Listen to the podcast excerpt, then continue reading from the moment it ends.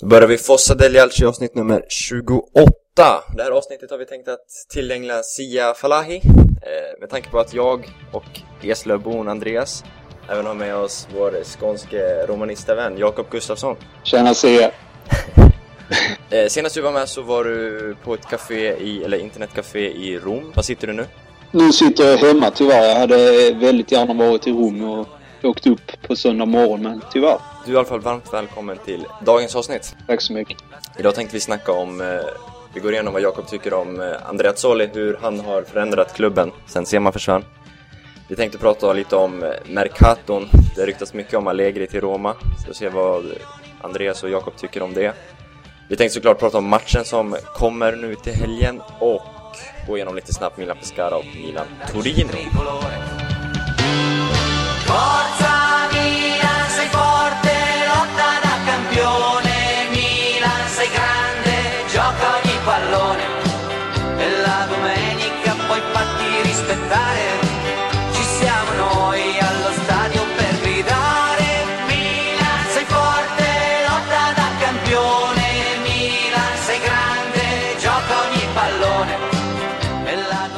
Vi börjar prata om matcherna så Torino hemma 1-0 blev det till slut efter en svettig match och förkrossande 4-0 i Pescara. Vi börjar med Torino Andreas, det var ju skönt att Balotelli fick in det till slut. Ja, det, det kan man ju tycka. Nej, det var ju verkligen inte någon bra insats från mina sida utan eh, kanske snarare att Torino spelade rätt så mycket bättre faktiskt och kanske förtjänas eh, poäng därifrån. Men eh, ja, det, det är de segrarna som, eh, som skiljer, brukar man ju säga. Så skiljer lagen från eh, etta, tvåa, trea till lagen fyra, femma, sexa, sa Allegri efter matchen. Så. Och det, det kan väl stämma. Men det var ingen match man kommer minnas så. Balotelli gjorde återigen mål. Han visar... Då, i det läget hade han väl gjort nio baljor va? På tio matcher. Precis, och 11 på 11 nu. Efter Pescara. Han eh, fortsätter leverera Balotelli. Trodde du det när vi köpte honom i, i vintras?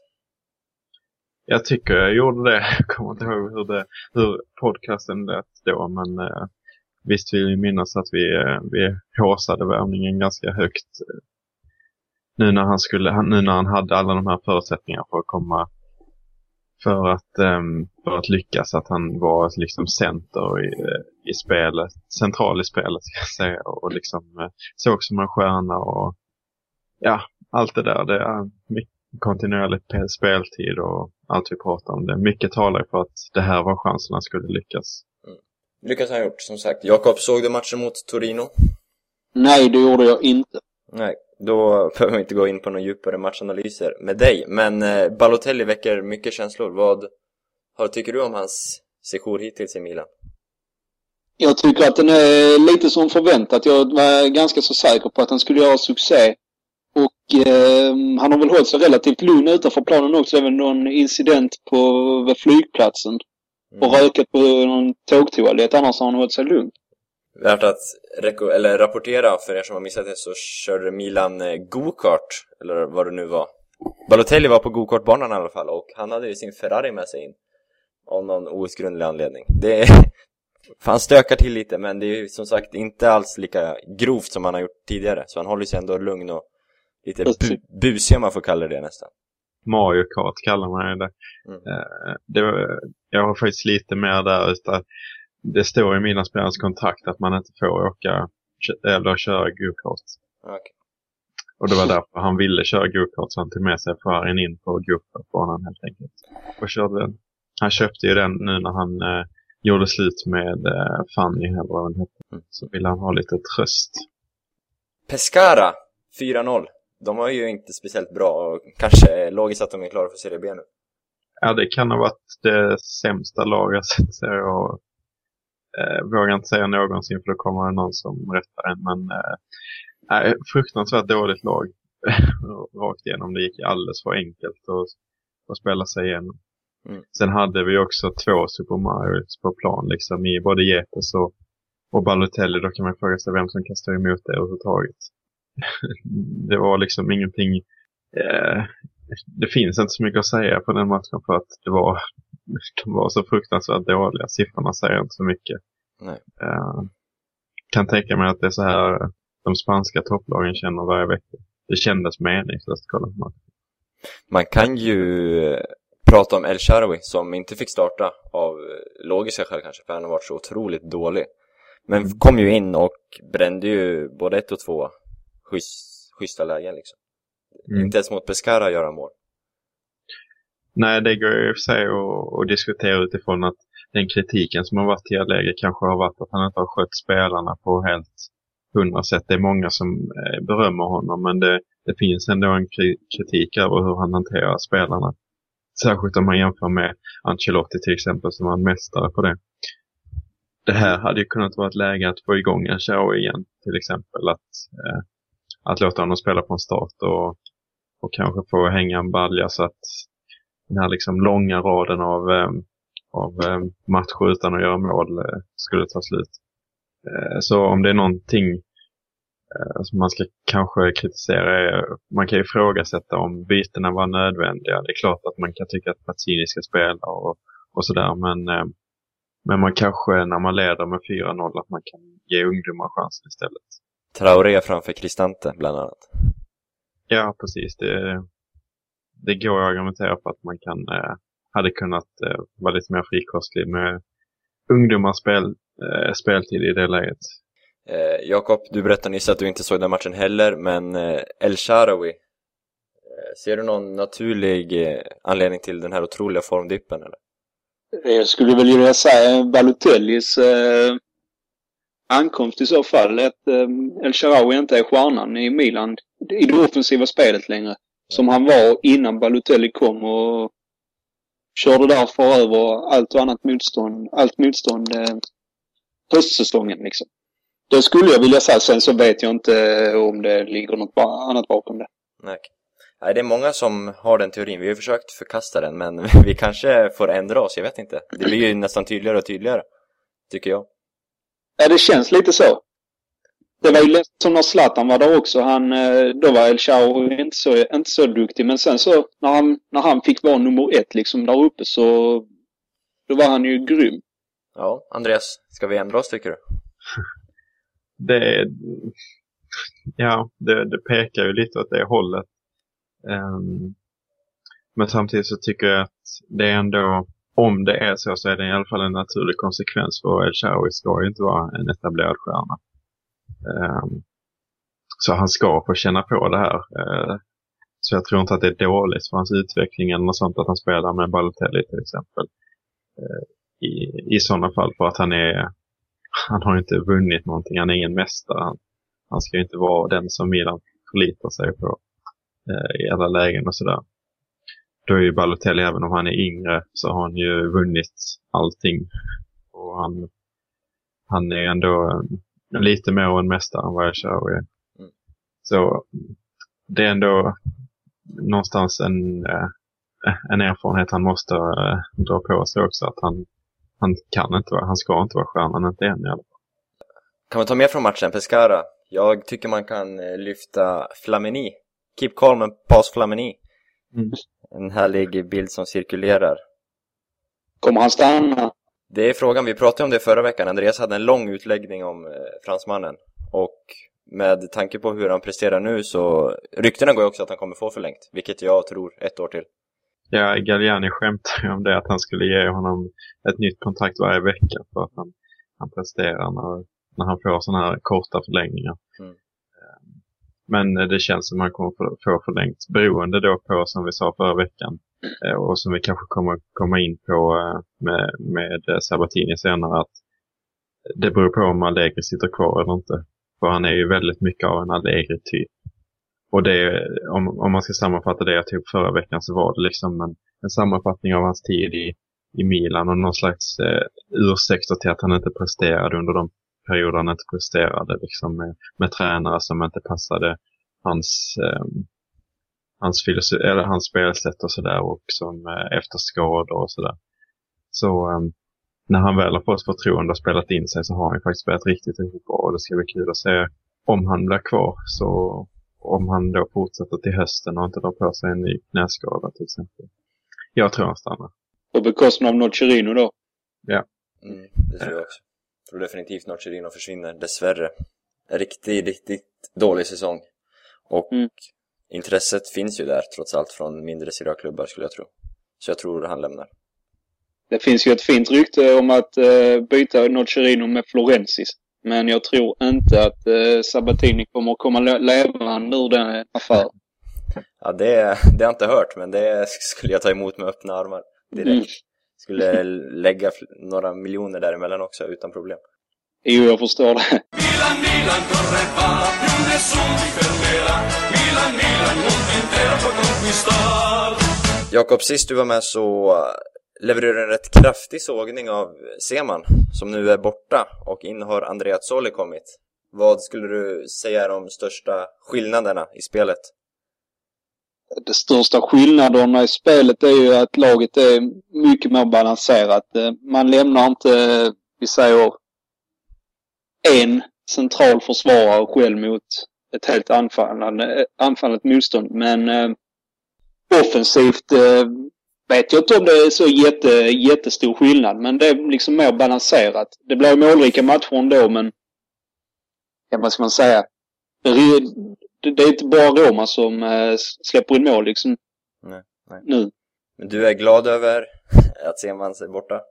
Oerhört glad. Jag, eh, jag klarar inte av honom. Och är Andrea Zoli rätt man att fortsätta med ditt Roma?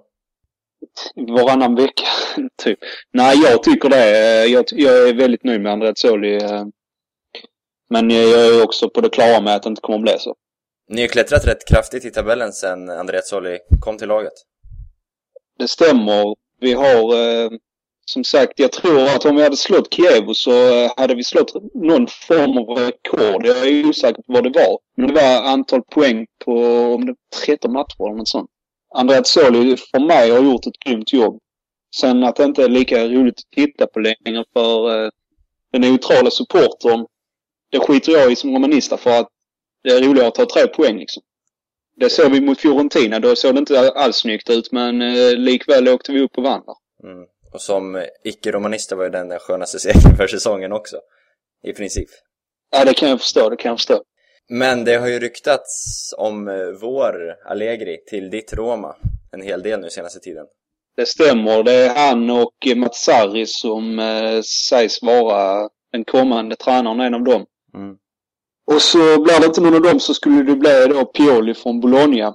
Mm. Jag eh, önskar Andrea Zoli att han stannar men det vet jag att han inte kommer göra. Och då skulle jag nog vilja säga Pioli. För att det känns lite Spalletti, eh, inte varning men alltså det, lite Spalletti light på honom komma från en mindre klubb. Matsari och Allegri kommer från minst lika stora platser som Roma och därför tror jag, tror att, jag tror att det hade varit nödvändigt med, med en tränare som hade fått, fått växa själv. Mm. Men det hade varit att få en redan klar tränare. Lite som Spalletti var då. Vad är det som gör att du är så övertygad om att Andrea Zolli lämnar? Nej, det är ju vad som sägs i media. Alltså det är ju, nu, nu det senaste är ju att Roma har varit i kontakt med Napolis medicinska team också för att, för att försöka varva över dem. Och eh, då i sin tur även Matsari. Sen Allegri, eh, det sägs ju att han har blivit erbjuden eh, kontrakt och summor han skulle tjäna och allting. Det, det finns inte en chans att Andrea Soli skulle stanna. Däremot så tror jag han kommer vara kvar i ledarstaben. Med tillbakadragen roll då. Ja, han har ju... Han tog ju själv på sig eh, Osvaldos formtopp nu. Att han hade pratat med honom väldigt mycket när det gått tungt och han hade varit... Han var ju hatad i hela rummet ett tag. han är väl egentligen fortfarande men André Zoli tog, sig- tog sig på hela, hela förtjänsten om att Osvaldo började ta mål igen. Så jag tror att som, som människa så tror jag Andrea Zoli är väldigt viktig att ha i ett lag. Seman var ju en riktig... Han delade ju upp Romlägret i två delar, kan man- eller Romalägret. Tycker jag, som eh, jag har uppfattat utifrån. Hur tycker du Andreas Solli? Är det supporterna enade nu runt honom eller? Eh, det, jag måste nog säga nej där. Han har det väldigt tufft. Framförallt eh, alltså när, när eh, resultaten går mot Roma så får han mycket skit för att eh, han, de säger att han är en dålig taktiker och eh, Medan när han vinner så hyllar, eh, så hyllar man hans karaktär och det som jag pratade om innan med Osvaldo att man Alltså människan Andreazzoli, att han kan få ett lag att växa alltså sett i karaktären som den segern med Fiorentina. Mm. Som, är, som egentligen en match som vi ska förlora med 3-4-0 kanske. Mm. Då hyllas han. Och sen så möter man Kiev tre dagar senare. Den matchen ska man vinna med 3-4-0, men förlorar med 1-0. Och då, då, går man, då går man emot honom helt och kallar honom fegis och... Ja. Så jag, jag, jag kan inte säga att eh, supportrarna står bakom Andreas Soli. Det skulle vara fel att göra det. Senast du var med så eh, såg du sena, eller Semans val att kanske bänka de eh, bättre spelarna och köra med sina egna favoriter och så. Hur ser det ut nu tycker du? Nu har det ju blivit en stor ändring på det. Det, det första han gjorde, Andreas Soli, var ju att sätta in Stekellenburg i mål. Mm. Och peta Semans eh, favorit Goicoechea som inte håller sig B-klass, enligt mig. Och sen så eh, gjorde han ju De Rossi till eh, den spelaren som han faktiskt är eh, startspelare, viktig kugge i Roma, även om De Rossi egentligen inte har spelat någon bra fotboll de två, tre senaste åren så är han ändå väldigt viktig som person att ha på plan. Som ledare, som, som, som, det, som den romare han är. Och eh, som du sa tidigare, mer balanserat lag. Hur eh, har ni ändrat liksom taktiken? Sifferkombinationen så att säga? Då för de som har lite sämre koll på Roma, hur ser det ut? Ja, både och. Vi har, kan man ju säga, 3-4-3 var ju, eller vad säger 4-3-3 var ju rätt så givet med Seman, men det har ju, nu har ju Andreas Soli gått över till 3-5-2 och eh, därmed blir ju inte, det blir inte lika stora hål med Seman för, eller med Andreas Soli, för under Seman var det egentligen 2 2-5-3, om man ska säga. Mm. Och enorma hål. Eh, försvar, de centrala försvararna lämnades ensamma på tok för många gånger mot jag vet inte hur många matcher ni har sett, men typ Cagliari hemma, de gjorde väl fyra på oss. Mm, jo, det såg jag faktiskt. Och, eh, jag kommer ihåg, eh, om vi återigen kopplar tillbaka till förra avsnittet, ni får ju gärna lyssna på det, ni lyssnare, för att kanske hänga med lite bättre. Men Bradley var ju en spelare du sågade längs fotknölarna, om jag inte har fel ute. Det stämmer. Han är fortsatt i startelvan rätt ofta va? Ja, det är han. Men det är, det är också skillnad på det sättet han spelar på under andra Azzoli. Nu får han spela mer som eh, städare eller vad man ska säga, balans. Mm. Under, eh, under Seman så var det ju då fick han ju styra spelet nästan på tillsammans med Taxidi så det, det funkar inte. Alltså, för att så bra, han, han är så bra att styra ett, ett lag i Serie A skulle jag vilja säga. Däremot som städare som eh, när det kommer till att springa och vinna boll och så, så är han helt okej. Okay, men ändå, där finns ju ändå fem, fem alternativ som är bättre liksom. Pjanic mycket på bänk. Spelare jag gillar själv rätt mycket. Mycket på bänk och så.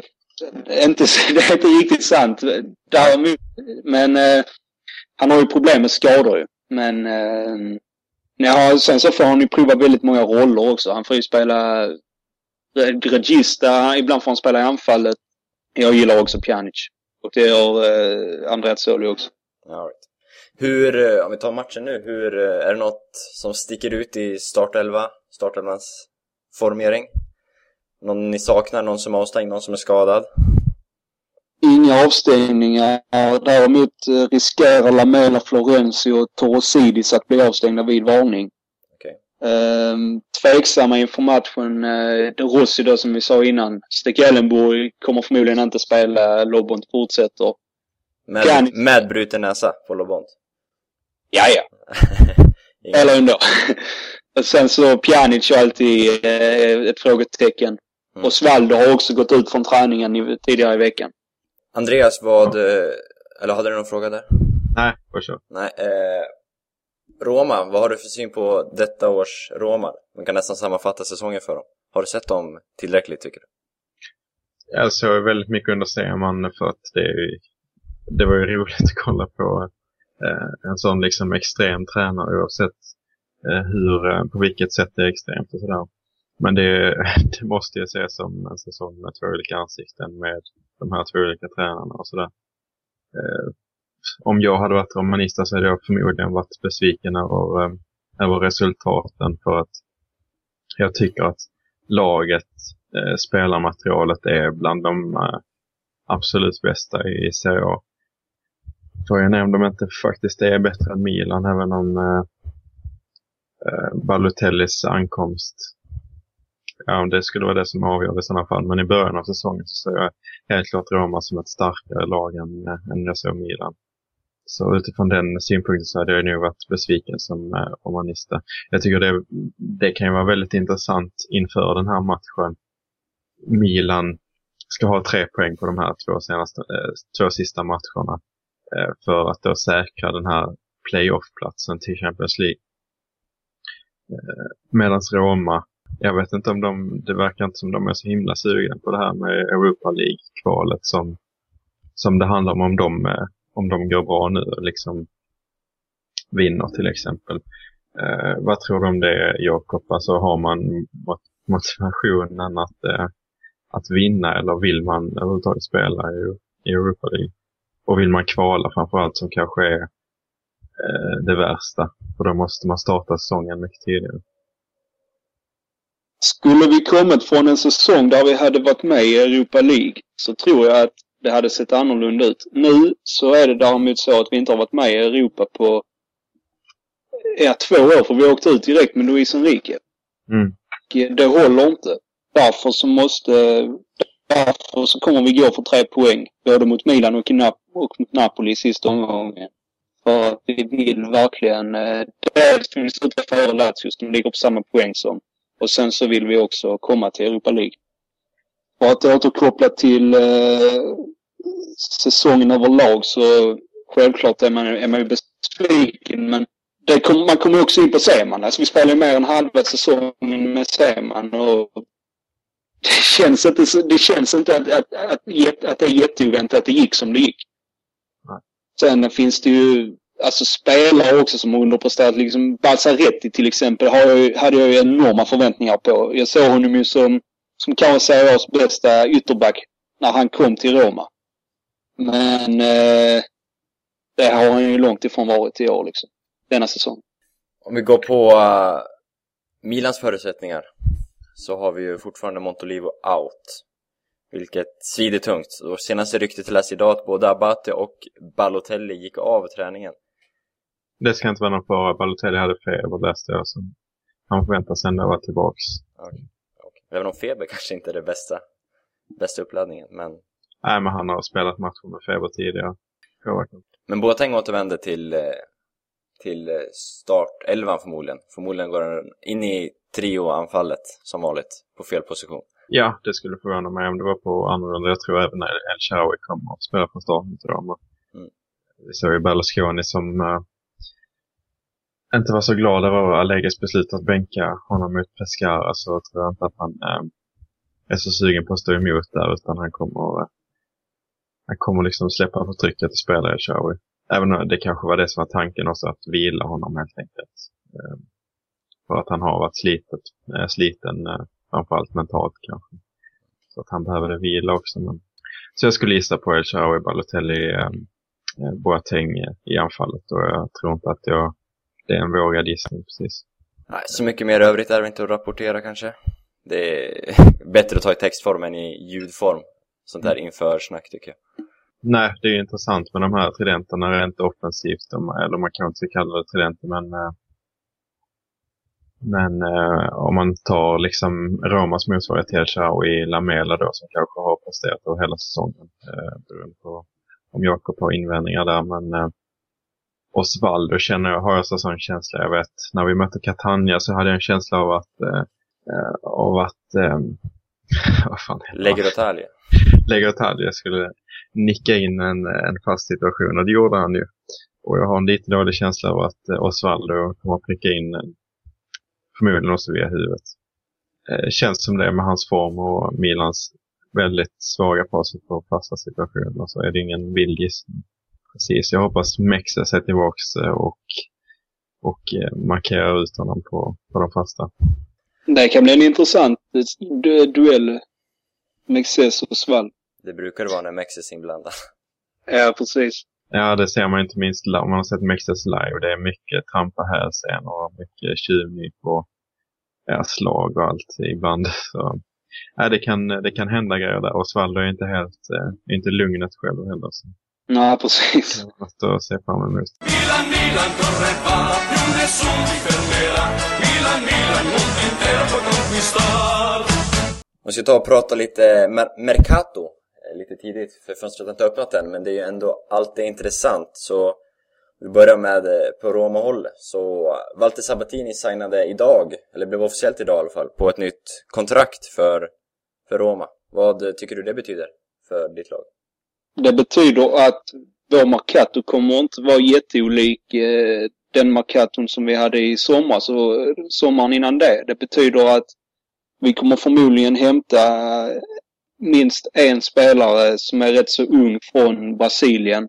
Det betyder att vi kommer troligtvis hämta Josip Ilicic från eh, Palermo och kanske någon spelare till från Palermo. Det har ryktats tidigare en del om De Rossi, men nu senaste tiden kanske framförallt, Marquinhos. Vad, eh, är du rädd att ni ska tappa era två, kanske, ja, utöver Totti såklart, men kanske era två tyngsta och viktigaste spelare? Att tappa De Rossi vore en katastrof även om han inte har varit speciellt bra, som jag sa innan, de två, tre senaste åren. Sen, men han är ju De Rossi liksom, därför han måste spela i Roma. Mm. Marquinhos är jag väldigt rädd att vi ska tappa för att han tjänar just nu, eh, han tjänar bra med pengar, men han tjänar lite pengar för att vara en eh, fotbollsspelare i italienska ligan. Och eh, man håller inte på att förhandla om hans kontrakt samtidigt som ja, Paris, eh, Manchester City, Barcelona, all, alla de stora klubbarna rycker i, eh, sägs det, rycker, rycker i Marquinhos. Och det måste jag säga hade varit en stor katastrof att bli av med. Han har ju burit ert försvarsspel, trots sin ringa Precis. ålder. Vad är han? 93 eller 92? Vad är han? 94 kanske till och med? 94 Ja, så pass. Mm. Och du säger ju själv, eh, ja, jag kan i alla fall inte komma på någon försvarsspelare i världen som har framtiden för sig på det sättet som Marquinhos har. Nej. Nej, jag brukar... Eh, Varane i Real Madrid skulle jag se rätt hyfsad också. Ett år äldre. Absolut. Men han kanske inte är, den som, som bär upp det. Han har ju Ramos bredvid sig. Marquinhos får ju gå in och styra upp det, de misstag som Castan och eh, Bordisso ofta svarar för. Mm, det är absolut helt sant. Andreas, vad... Eh, Marquinhos, det är en riktigt utropstecken den här säsongen. Tror du han lämnar? Ja, alltså, jag, jag, inte, jag har inte koll på löneförhandlingar och allting sånt där, men eh, om Barcelona sätter upp honom på sin, eh, sin önskelista så är det väl eh, är det väl svårt att säga att de står emot. Eh, och att Marquinhos står emot kanske. Jag vet inte riktigt hur han, eh, hur han fungerar, om han liksom känner att han hade behövt ett par år i, i Roma. Jag ska inte säga att det är en en liten klubb, men i, i sammanhanget med Barcelona så, och, ehm, och sådär så är det ju en, en mindre klubb i och med att man inte spelar i Champions League till exempel. Så, eh, så nej, det, det är svårt att säga, men, eh, men det är ju tveklöst en väldigt, väldigt stor talang. Mm. Och jag skulle inte säga nej till att ha honom i Milan precis. Det är inga rykten om affärer inom Italien på honom. Nej, nej, nej, det, det finns inte. Det, det tror jag inte. Jag tror inte någon klubb skulle ha råd med det heller, för jag tror att man kommer sätta upp en rätt så hög, eh, hög transfersum. Mm. Om det skulle bli tal om det. All right. Om vi kollar på Milan så är det ju kanske mest rykten om El Shaarawy ut just nu. Jag läste precis på via Solo Calcios Twitter att Sky skriver om att City förbereder ett bud på 30 miljoner euro på Stefan. Mm. Och det är ju inte det enda ryktet om hans transfer ut. Och det är inte enda ryktet så, eh, för eh, City in heller precis. Men det är ju, eh, det känns som en, en naturlig konsekvens att han formdippar lite och sen så kommer de här ryktena och buden kommer säkert också. Men eh, man känner ju på något s- sätt eh, Galliani lite bättre än så att han kommer inte sälja i det här läget utan man kommer ju vänta om man kommer sälja honom, vilket man har ju liksom pratat om att man ska sälja sina bästa spelare och sådär länge. Eh, men säljer man dem så gör man väl dem i ett bättre läge än, nu i en formdipp. Mm. För El Shaarawy- El Shaarawy är mer, värd mer än 30 miljoner euro eh, utifrån hans prestationer i höstas alltså, och utifrån att han köptes för 20 miljoner euro. Så, ehm, så det gör jag inte så mycket för de ryktena. Men ehm, alltså det är ju det är ju omöjligt eh, att inte återkomma till det känner jag. Att sitter Allegri kvar eller gör han inte det? Han ska ju komma med, med ett officiellt beslut för om tio dagar sa han för ett par dagar sedan. Jag vet inte eh, vilken dag det var exakt men eh, när han har eh, fastställt om han stannar eller inte någon gång efter Roma-matchen tror jag. Det är väl då det är enklare att spekulera med katten egentligen för att så mycket känns som hänger på hans eh, system. Eh, plockar man in någon som inte alls kommer att spela med 4-3-3 då vet jag inte. Det- är väldigt svårt att säga hur anpassningsbar El är till exempel. Kan han spela mer centralt eller måste han ha den ytterpositionen? Eh, till exempel. Men vi såg ju förra säsongen, det kanske har med lite med den Ibra som vi var inne på tidigare också. Men då spelade vi med två anfallare och han kom inte alls till sin rätt.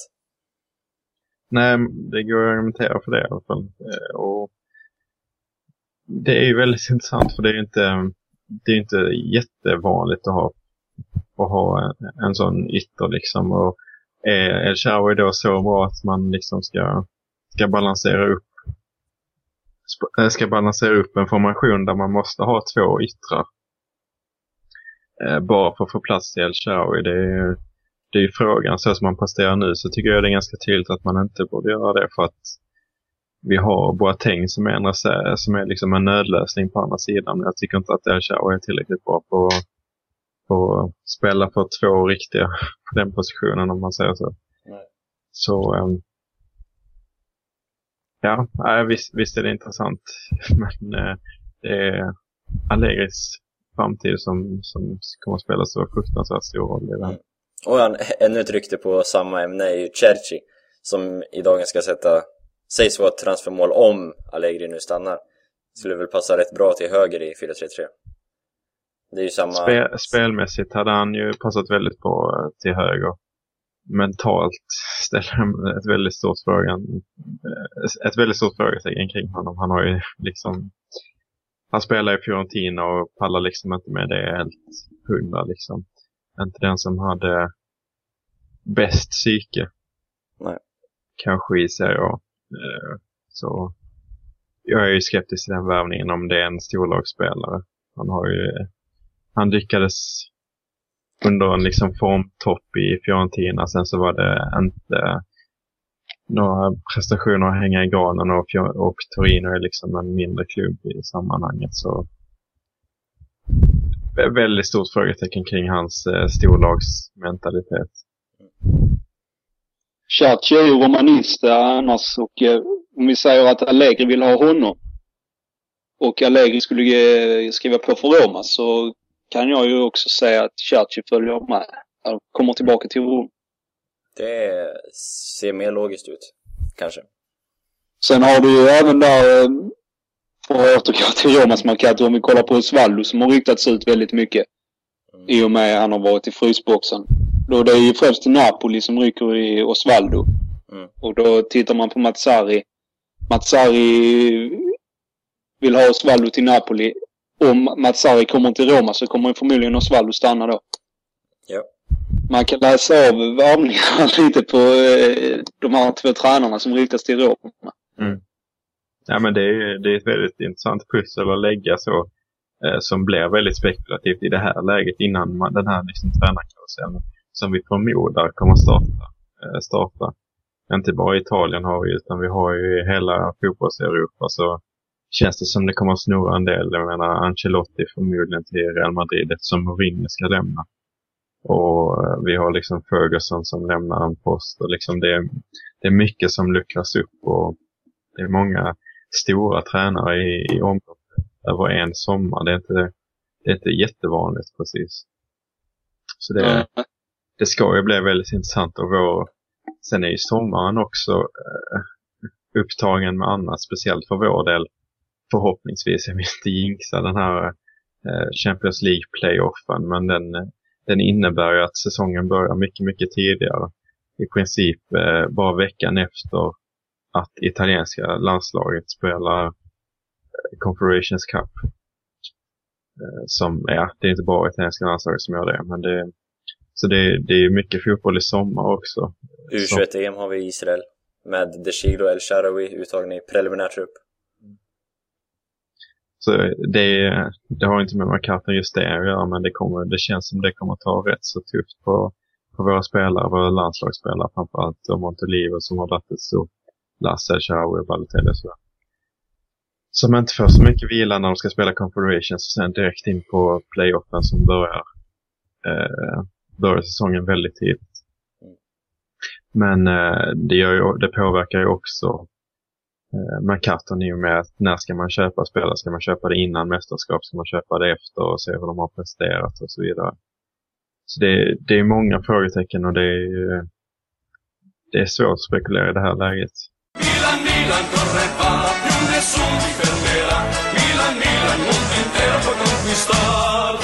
Om vi ska avsluta den här podden så kan vi ju köra en liten kortslutdiskussion om eh, kläder tänkte jag. Milan har ju släppt sin tredje tröja som man väntas spela med mot Roma, om ryktena stämmer i alla fall.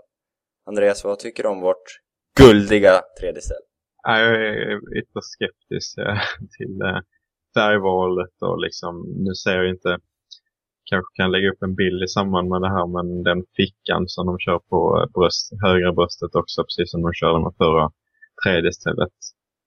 Så det, jag vet inte vad man ska ha den där fickan till, om den eh, liksom har någon funktion eller om den är, är bara stilistisk liksom. Oavsett så är jag väldigt skeptisk till det. Det är kanske där Montari ska ha sina kort förresten. Man ger till Balotelli. Men eh, nej, väldigt skeptisk och eh, den här gulden känns, nej, ingen vidare. Får vi se om den ger mer tur än eh, det svarta borta stället, tredje stället. Som inte ens har använt i år. Exakt. Jakob, du fick precis en bild på Ambrosini i tröjan. Vad spontan reaktion? Alltså jag har ju sett mycket värre. Den är inte snygg på något sätt men det finns ju be- betydligt mycket värre. Juventus har ju den värsta med sitt rosa tycker jag. Så jag är rätt så likgiltig egentligen. Ja, prata tröjmode med en romanist är kanske lönlöst med tanke på att ni ganska ofta har väldigt snygga tröjor enligt mig. Ja men det blir ju ändring på det nu när Kappa, Ja. när Kappa får sparken om vad man ska säga och man tar in Nike istället. Okej det är inte till nästa säsong men nästa igen. Mm. Det är Men intressant. eh, Nike känns, eh, känns inte riktigt Roma. Nej, det känns lite Juve, lite Inter över Nike. Ja precis. Nej, amerikaniserat. Nej.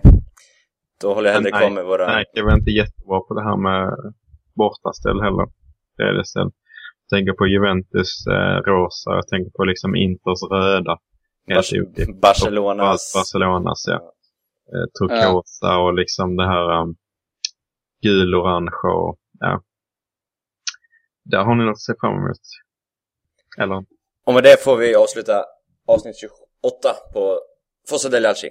Gillar du avsnittet så lägg en kommentar på uh, via Svenska fans eller fortsätt kampanjen att prenumerera över iTunes. Vi har sett en liten ökning sen jag har tjatat lite på er och det är ju alltid kul att se. Tack till dig Jakob för att du vill vara med idag. Tack själv. Får väl vara med nästa gång vi möter Roma igen förmodligen. Det hoppas jag verkligen. Och vi får skicka ett halvdassigt lycka till till på söndag. Ja detsamma. Vi hörs om en vecka ungefär igen. Ciao! Ciao. Quando